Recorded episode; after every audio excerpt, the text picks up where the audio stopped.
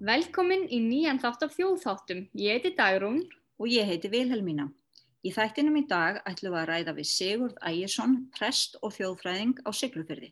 En hann hefur nýlega gefið út bók sem nefnist Íslensku fugglarnir og þjóðtrúin. Vertu velkomin Sigurður. Já, takk. Nú ert þú starfandi prestur en líka mentaður þjóðfræðingur. Getur þú sagt okkur aðeins frá þinni leið í þjóðfræðina? Já, hún var náttúrulega alltaf merkileg vegna þess að ég viðist til prest árið 1985 til Djúpavox og það tilherðu eh, prestakallinu fjóra sveitakirkjur auk þeirra sem að var á Djúpavogi. Og ég komst fljótt að því að það voru völvuleiði út um allt í prestakallinu. Og mér fannst þetta alltaf merkilegt að því að það fylgdu sagnir þessum leiðum oft að ef maður hlúði að þeim þá átti eitthvað tapar eitthvað á fjórum hans. Mér fannst þetta sérstaklega merkilegt líka að ég var prestur. Í kristnu landi að ég vissi að þetta var gert ennþá 1985. Mm. Hvernig gæti þetta farið saman? En ég er staðinni svona náttúrulega að þjóðin hefur alltaf verið eins og Helgi Magri sem bara er besta mál sko. Nefna það að ég ringdi Jón Nevil, aðarstinsson, og spurði hann hvað væri gangi. Hvað þessi völvuleiði væru í raun og veru og hvað. Og svar hans var einfalt. Komdu bara í þjóðfræði til mín og reyndi að finna út úr þessu sjálfur. Það var upphafið að þessu og ég skráði mér þjóðfræði og, og tók hann utan skóla með starfinu og ætlaði að hafa þetta sem lokaverkefni en, en ég sá nú fljótt að ég þurfti að rannsaka þetta miklu lengur mm. og, og, og held áfram að, leita heimildi en, en valdi svo annað til að skrifum í bjæriðgerðinni.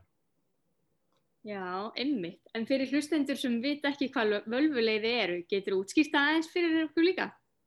Já, hvað völvuleiði eru?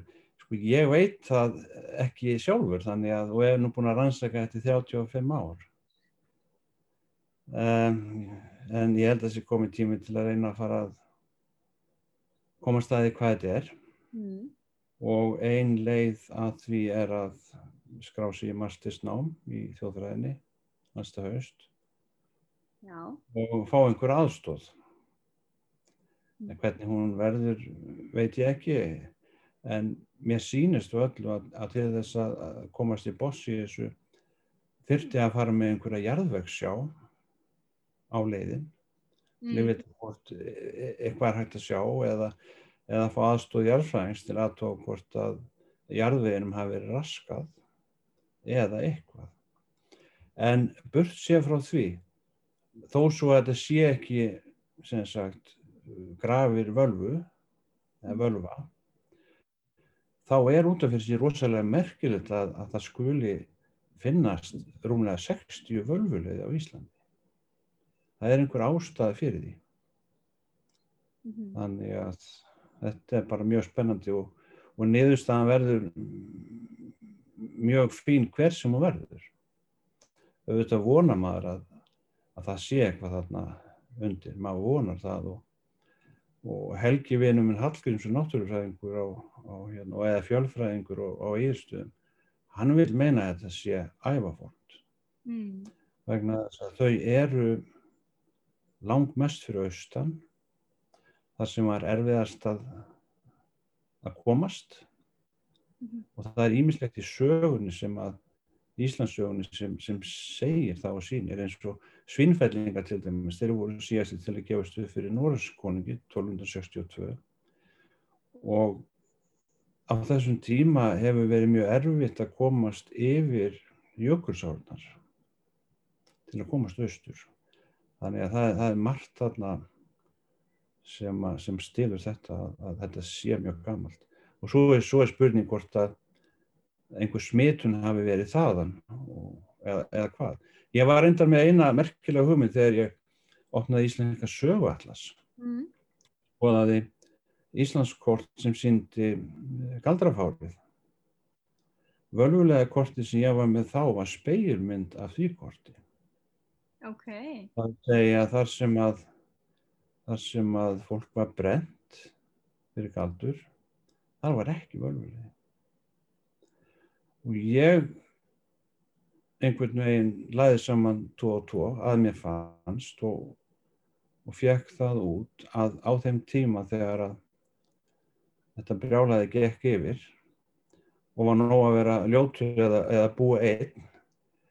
Um, ég held að fólk hafi ekkert verið ginnkjöpt fyrir því að, að vera á fjórum fótum að, að hlúa svona leið. Mm. Ég held að, og, og, og það sem er merkilegt líka er að þrjár þekktustu völfur sögunar voru á þessu svæði. Þurriði sundafillir í Bólungauk, Mm. heimlaug völva á Króksferðaressi og hún þórdi þessu spákunarfelli. Já, En enginn veit hvar það er liggja.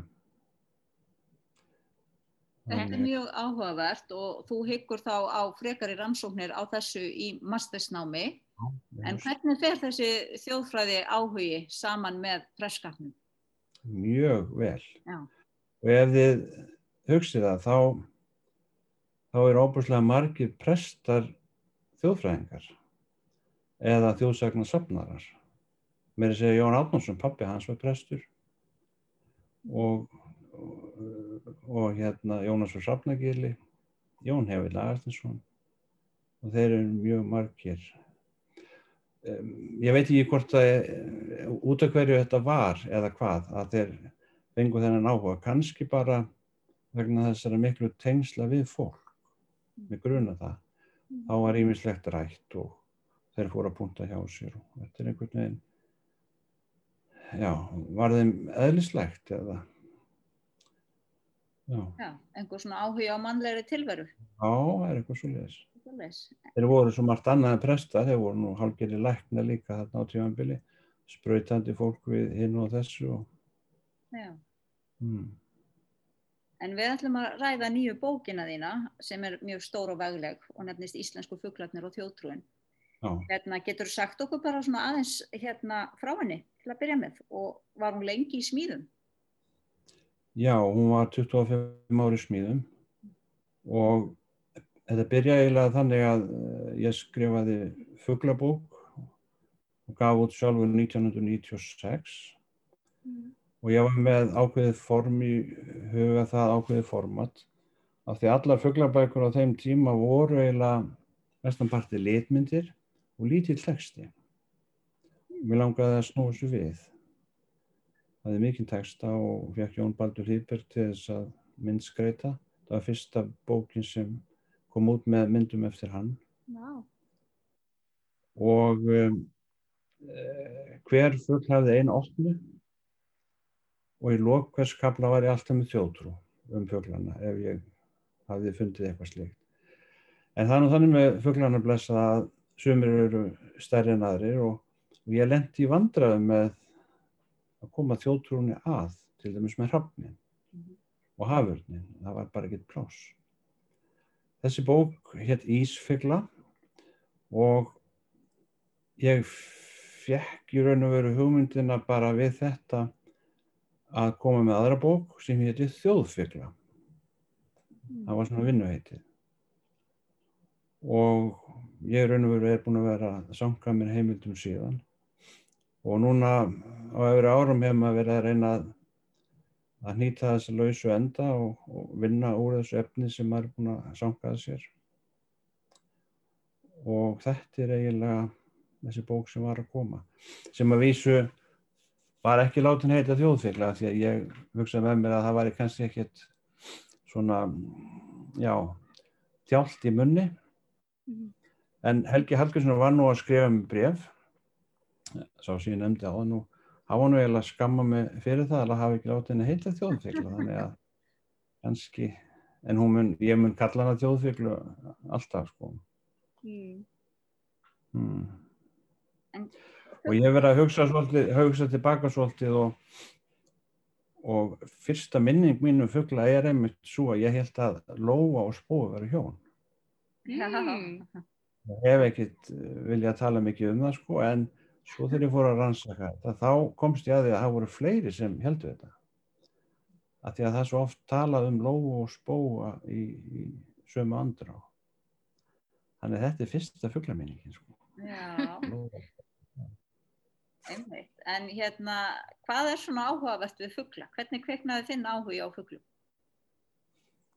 Já, bara uh, búið út á landi og það sem mikið er um fuggla af því að vorin var maður náttúrulega strax komin ofin í fjöru og, þar var mikið af fugglum og eða inn í fjörð og eitthvað og þeir voru bara allstað og ég hef alltaf haft mikið áhuga á náttúrufræði. Var með góða kennara í skóla sem voru, höfðu mikið áhuga á þessu. Og það var nú eiginlega bara kveikjan. Mm. þannig að það hefur alltaf verið síðan. Og ekki bara fugla, líka kvalir, ég hef haft mikið áhuga á kvölum Mhm. og uh, já, þjóttrú um dýrin í raun og veru það er svona sem ég haft mestan áhuga á Já, en það er mjög áhugavert og mikið til af alls konar þjóttrú um dýrin. já, já Uh, ég skrifaði bók 2008 um sem hétt hérna íslenska kynjaskefnur Mm. þar einmitt fór ég yfir í meira svona þjóðsagnadýrin og svo átti alltaf að koma önnur í framhaldi sem áttu að heita íslenska kynja verur Mm. þar áttu að vera tröllin og, og álvar og huldufólk og, og, eitthvað, og draugar og eitthvað sem að var erfiðara svona að ná um Já, en það er nú mjög spennandi samt. Er það ekki enn í... Jú, jú, það er einhver staðar á, á, á blaði sko, en, það er dolti mikið mál sko. Ég til dæmis eh, setti smá flokkun á draugana, það var hægara sagt en gert sko. Mm. Þannig að eins og pappiðin, það er hún veit, hann er búinn að skrifa um draugana svolítið. Já, ymmit. Mm. Jón Jónsson. En þú sagðir að bókin hefði verið 25 ár í vinslu. Getur þú sagt okkur aðeins frá vinnuferlinu og hvernig þú viðaðir að þér heimildum?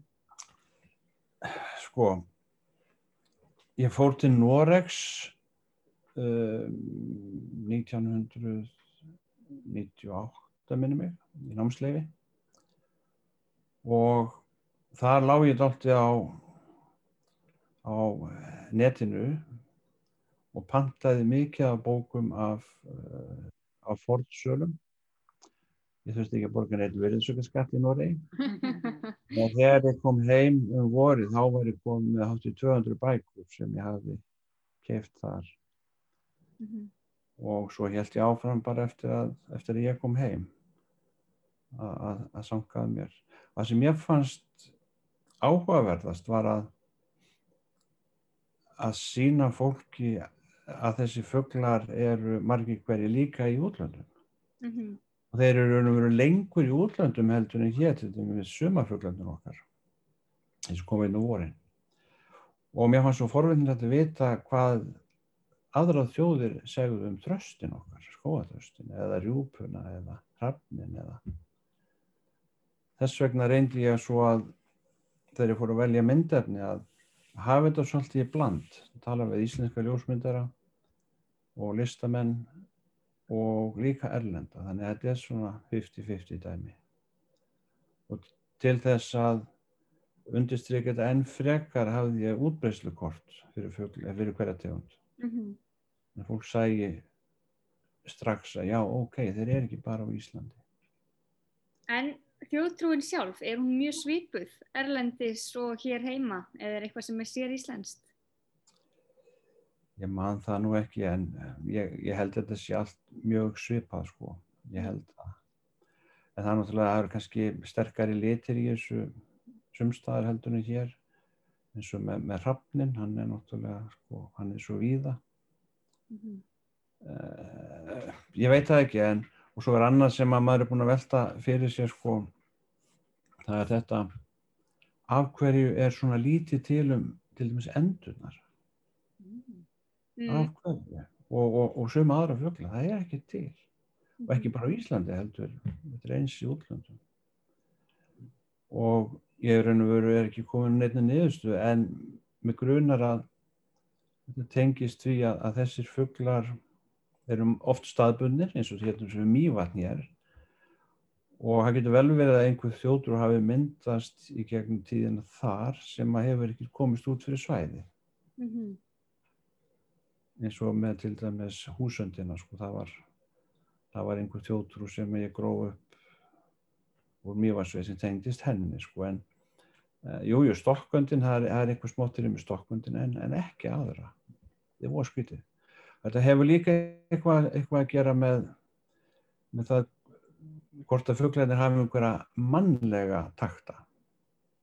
Hrafnin er náttúrulega þjófóttur skemmtilegur. Starinn eiginlega sko, hermir eftir öllu og öllum.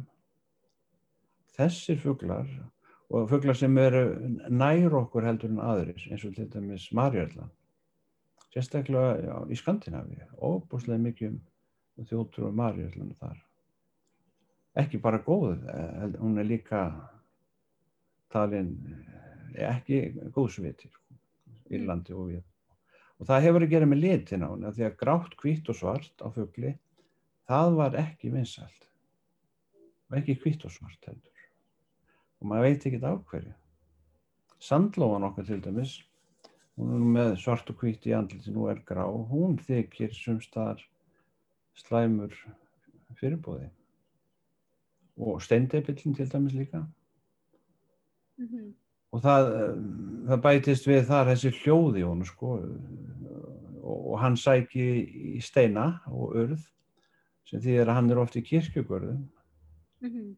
en þetta er allt svona samtvinna og svo var annað sem að sem ég hef lagt mikla áherslu á öll þessi ára, það er að sapna alþjóðheitunum alþjóðheitunum fjöglana það sem ég kalla önnur heiti í bókinni. Eh, þegar ég gaf út Ísfeglu þá þá var ég búinn að grafa upp 700 alþjóðu heiti sem að voru yfirleitt ekkert í, í bóku, fuglabóku Vá. og svo, bætti, svo tókst mér að bæta við 300 viðbúta á þessum tíma. Vá. Það finnst mér mjög skemmtileg stúdía sko. af hverju heita fuglarnir þetta Já, einmitt. Þetta er mjög áhugavert. Við erum aðeins búin að minnast á hrafnin nú þegar og það hef ekki komist fyrir öll uh, þjóðtrúin um hana því að er svo greiðarlega mikið til. Já. Uh, getur aðeins sagt okkur frá svona hvernig þjóðtrú það er sem að helst ínkennir hrafnin? sko fyrst og fremst er hann náttúrulega svona myrkrabóði, hann er náttúrulega svartur Mhm. og það hefur voða mikið að segja reyndar eru margar sögur sem segja að hann hafi verið hvítur Mm. en vegna vegna svona vegna þess hvernig hann er svona þykir svikull á köflum og eins og til dæmis þegar að þegar að hérna Nói sendi hann út af örkinni að tóa hvort að hann sæði land þá er sagt að hann hefði fundið hræ og hann bara kom ekki heim fyrir en einhverjum dögum síðar og reytist Nói og sagði þú sko þú verður ekki hvítur lengur, þú verður svartur.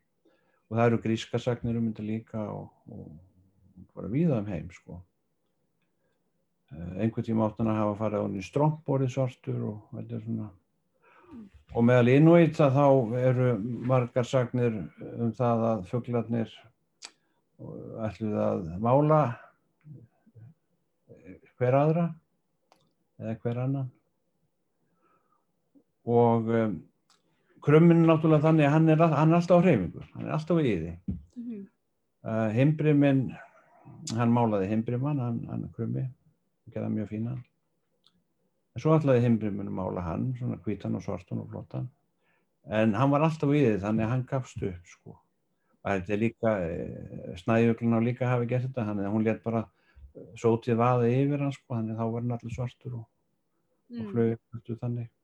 Þannig að hann, hann er oft til vandræðið þjótrúni sko.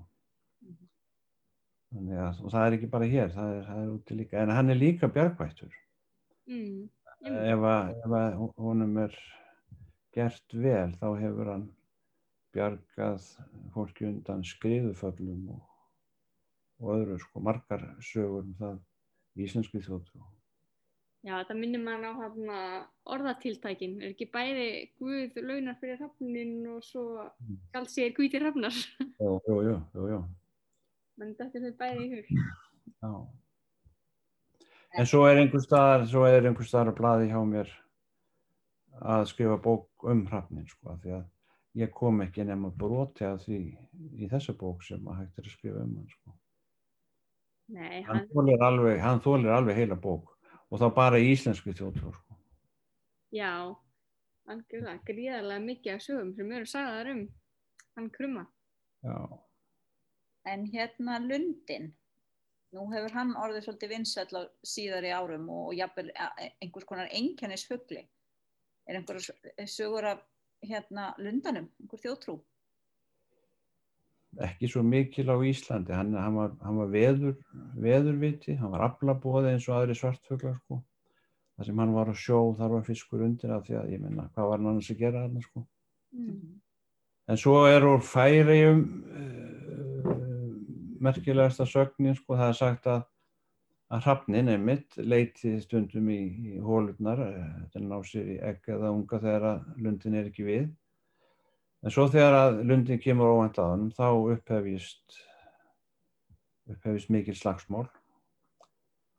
Og ef lundanum tekst að færa þau slagsmál út á haf, þá gengur hann af hrafninu döð. Mm. Þetta verð, það getur vel verið að sé einhver fótu fyrir þessu. Mm. Af því eins og Ólína Þorvaradóttir sagði við mig einu sinni þegar ég var að skrifa lokaritgerðinu minni þjóðfræðum um illkveli rauðkemping og ég var að spyrja nút í eitthvað.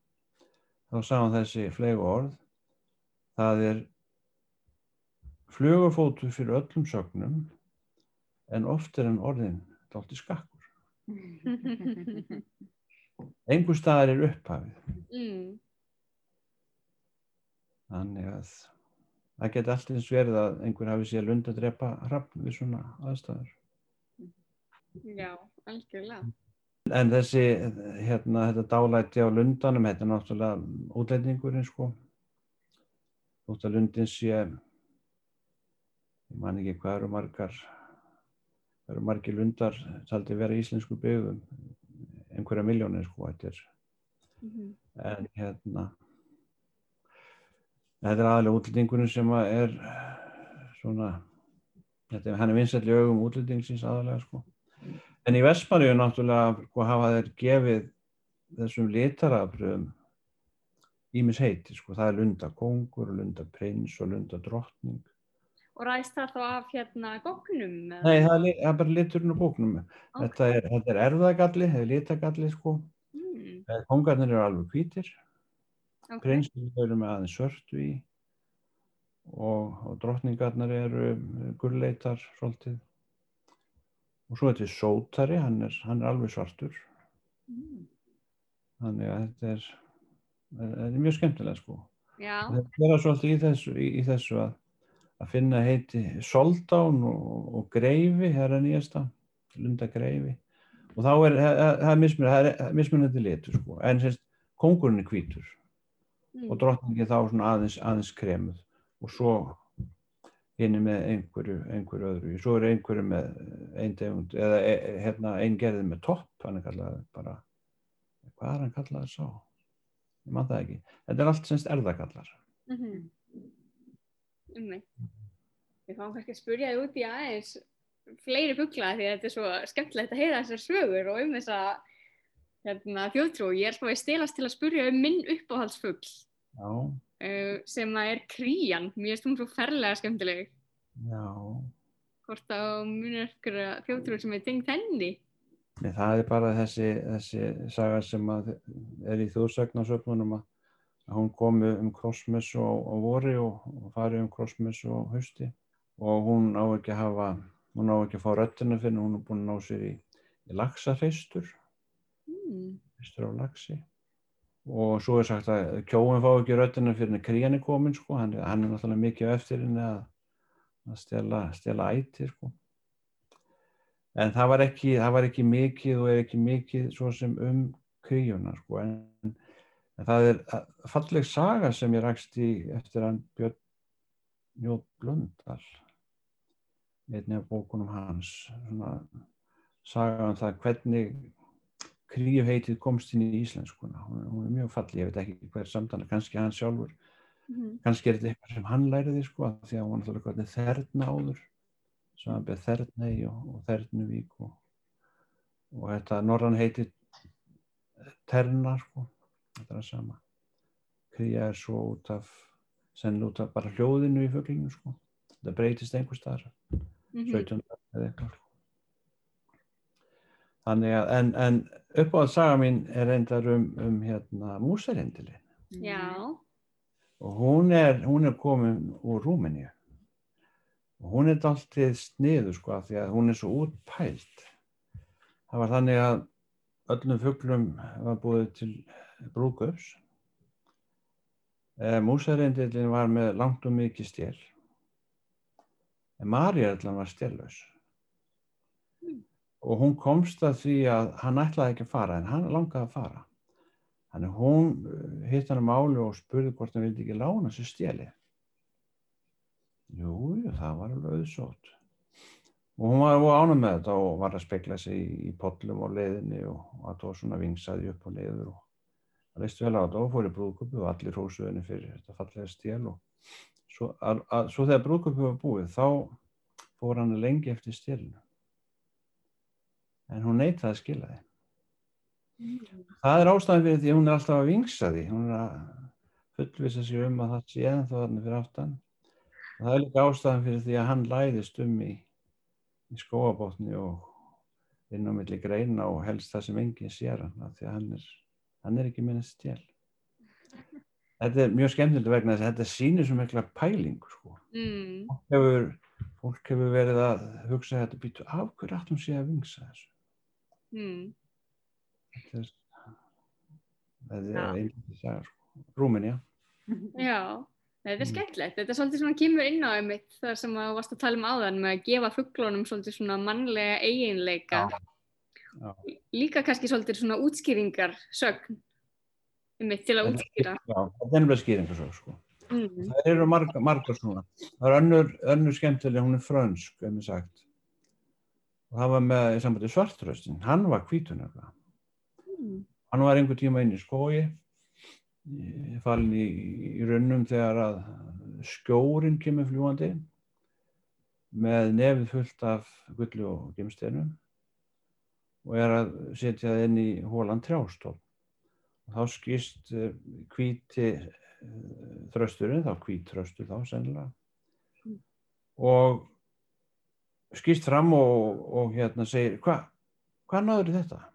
og hún brá svo mikið í skjónum að, að hún dætti ekki huga skrökvenni sinni, hann, hann sagði bara sannleikan og þetta er þannig að jú, ég, það er prinsaldra auðafa sem að þú þarft að hitta og þú þarft að fara hann á ákveðin stað og þar fyrir ofin í jörðina og þar fyrir í einn helli og, og þar er allt fullt af gulli og svo fyrir í næsta og þar er allt fullt af, fullt af öðru silfri eða hvað það er og það er gimsteinum og, en þú mátt ekki taka nýst ekki fyrir þú hittir prinsaldra auða, auðafa og gengur í þjónustu hans.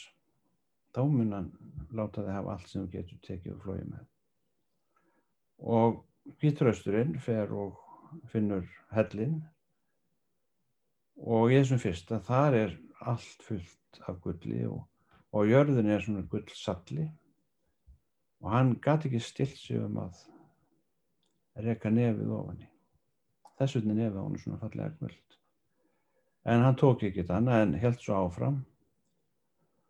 Og svo ætlaði hann að, að taka eitthvað meir þegar að uh, allt í einu mikil ófreskja kemur hann fram spúandi eitri og eimuri og, og þá leggur hann á flóta Mm.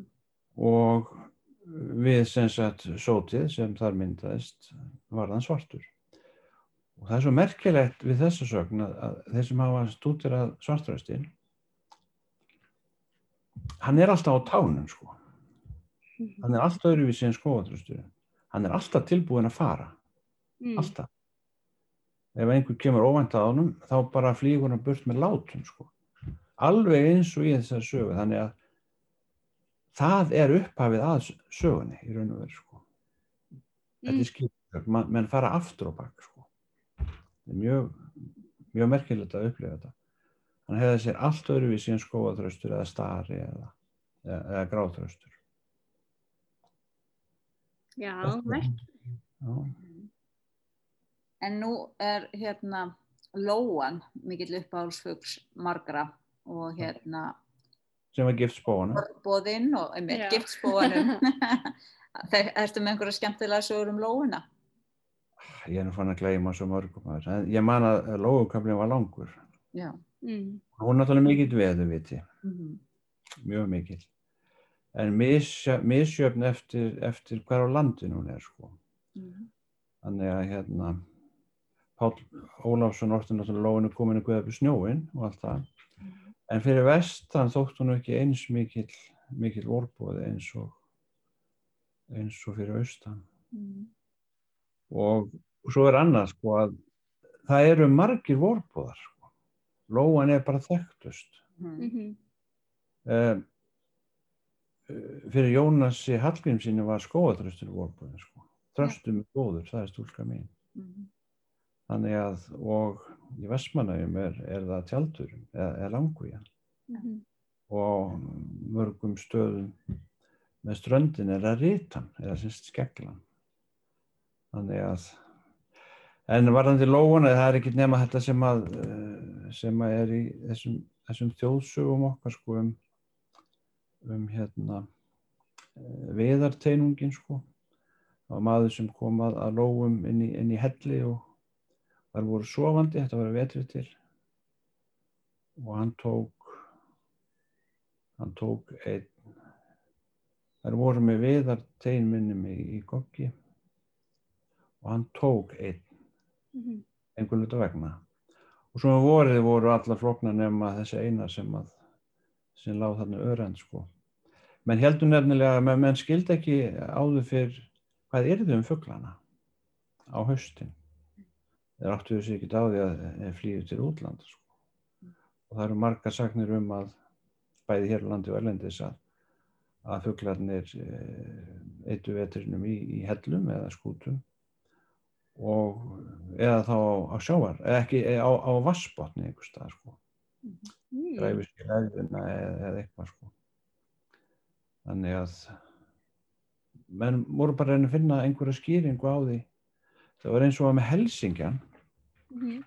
menn heldu alveg frá, frá því um 1200 að eða 12. öld að, að Helsingin væri ekki fugl Mm.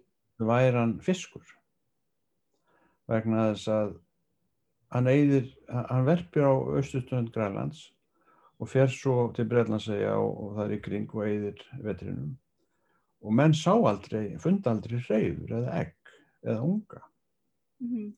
og af hverju var það? Það var bara stór skrítið og þá var einhver uh, hérna, háskólukennar í París er enda þekktu maður Mhm. eh, Giraldrus Cambrensis eða hvað hann hétt hann taldi sig hafa funnið til lausnina þegar hann sá lítinn helsingja, pínu lítinn fastan á, á rekaveðadrömb Mm. og þetta var maður sem var tekið marka á. Og fólk held þetta í raun og veru næstu aldir alveg framundi 1900 en það sem hann sá var Helsinginef sem er krabbadýr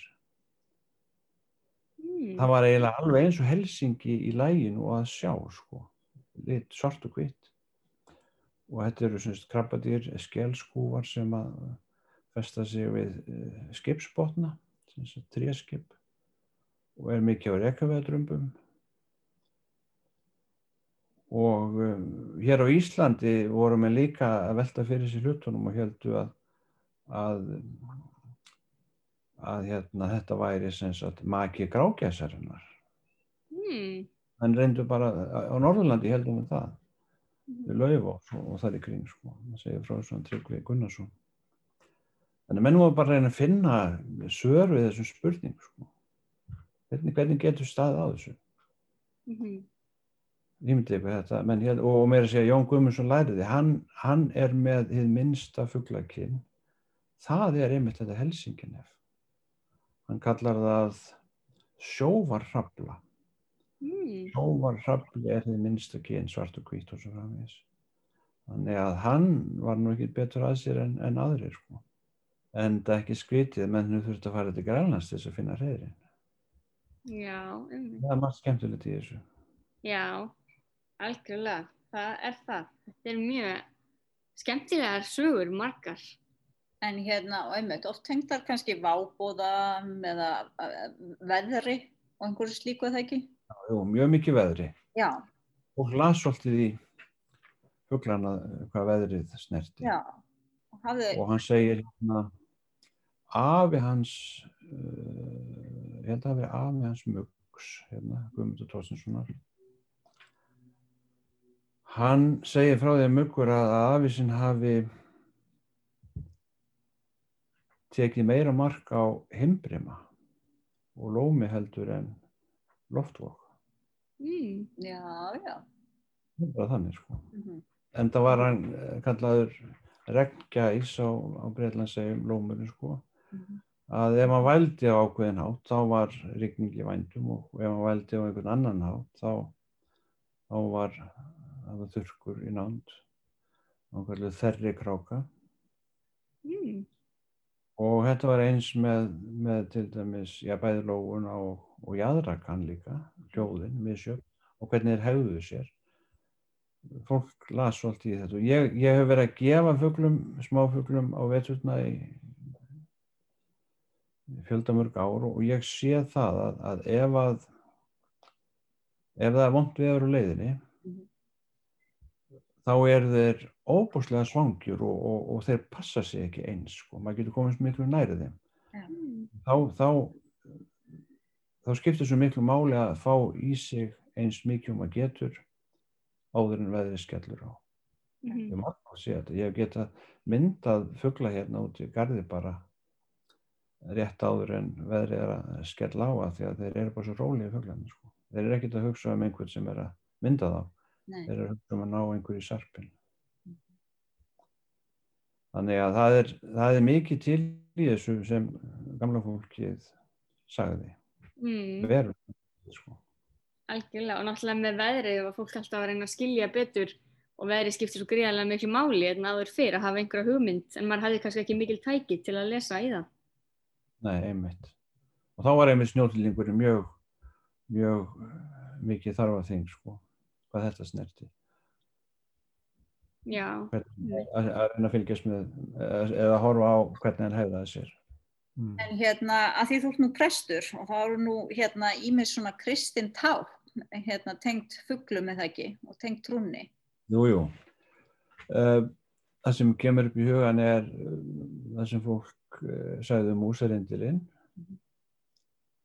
Hann átti að leita svolítið í hangikjöt og fór það niður um strompin og, og nagaði kjötið.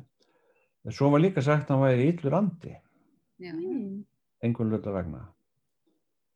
Og til þess að uh, fá hann til þess að hætta þessu, þá var eh, eina leiðin að, að útbúa kross og setja yfir strompin. Mm. En voru alveg vissum að þá myndi hann ekki þóra ofan í, út af eðli sínu. Sko. Mhm. Og það að hann væri, hann væri talin illur andi tengist því náttúrulega, hann er alltaf að þvælast á jörðinni. Sko.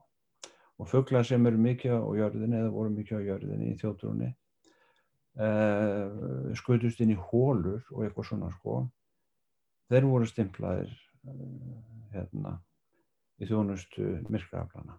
Já. eins og keldusvínu til dæmis sem að sem, sem hverfur bara allt í einu og engi veit hvert fer Mm.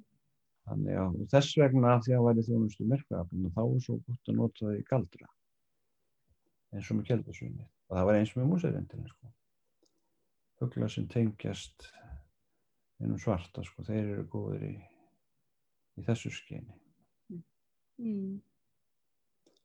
og þetta er, s- við í raun og veru á 21. öld getum ekkert dæmt þetta fólk fyrir heimsku eða eitthvað vegna þess að fólki var bara að reyna að halda sér á lífi og notaði öll meðöl sem hægt var. Kanski hefur kveikjan verið, verið svo að einhver tók keldusvín og tók fjöður og, og skrifaði einhverja galdrastafi á, á, á kattaskinn og, og það rættist sem að var að byggja um sko. Það þarf ekkert meira. Mm. bara af einhverju tilverjun sko og það spurðist út og þá fóru aðrir að prófa þetta sko. Það er alltaf einhver kveikja einhver staðar eins og Ólina sagði sko. Mm. Það er alltaf, þetta byrjar einhver staðar. Mm. Þú sem að hans er orðin alltaf skakkur fóturinn sko. Já, algjörlega og gaman að skoða einmitt sögurnar og þjóttrú út frá þessari hugmynd líka. Þá er eiginlega komið að lokum hjá okkur í þessum þættin. Okkur langar samt að enda á að spurja þig, hver sé þinn uppáhaldsfugl? Hvort þú eigir einhvern slíkan? Einu sinni var það öðnutillingurinn Mm. en, en eftir að ég sá keldusvín í fyrsta sinn sem var í ég var það fyr, snemma á þessu ári eða var það er, er snemma á síðast ári eða hvað þá er það eiginlega orðið keldusvíni af því að þetta er svo ótrúlega fugl reynda vil ég að meina fuglafræðingar að, að, að það sé ekki varpfugl hérna lengur Minkurinn hafi eitt í og, og, og framræsla votlendis. Þetta séu flækingsfuglar sem eru að koma hérna en ég veit það ekki, ég er að vona að það sé hérna ennþá. Og það sjást alltaf keldusvín á Íslandi, núna síðast bara fyrir viku eða hálfu mánuði fyrir sunnan. Mm. og ég er að vona og, að þau séu hérna ennþá sko á, á, á sömrin en þetta er alveg stórkostlega fugl keldusvíni alveg stórkostlega fugl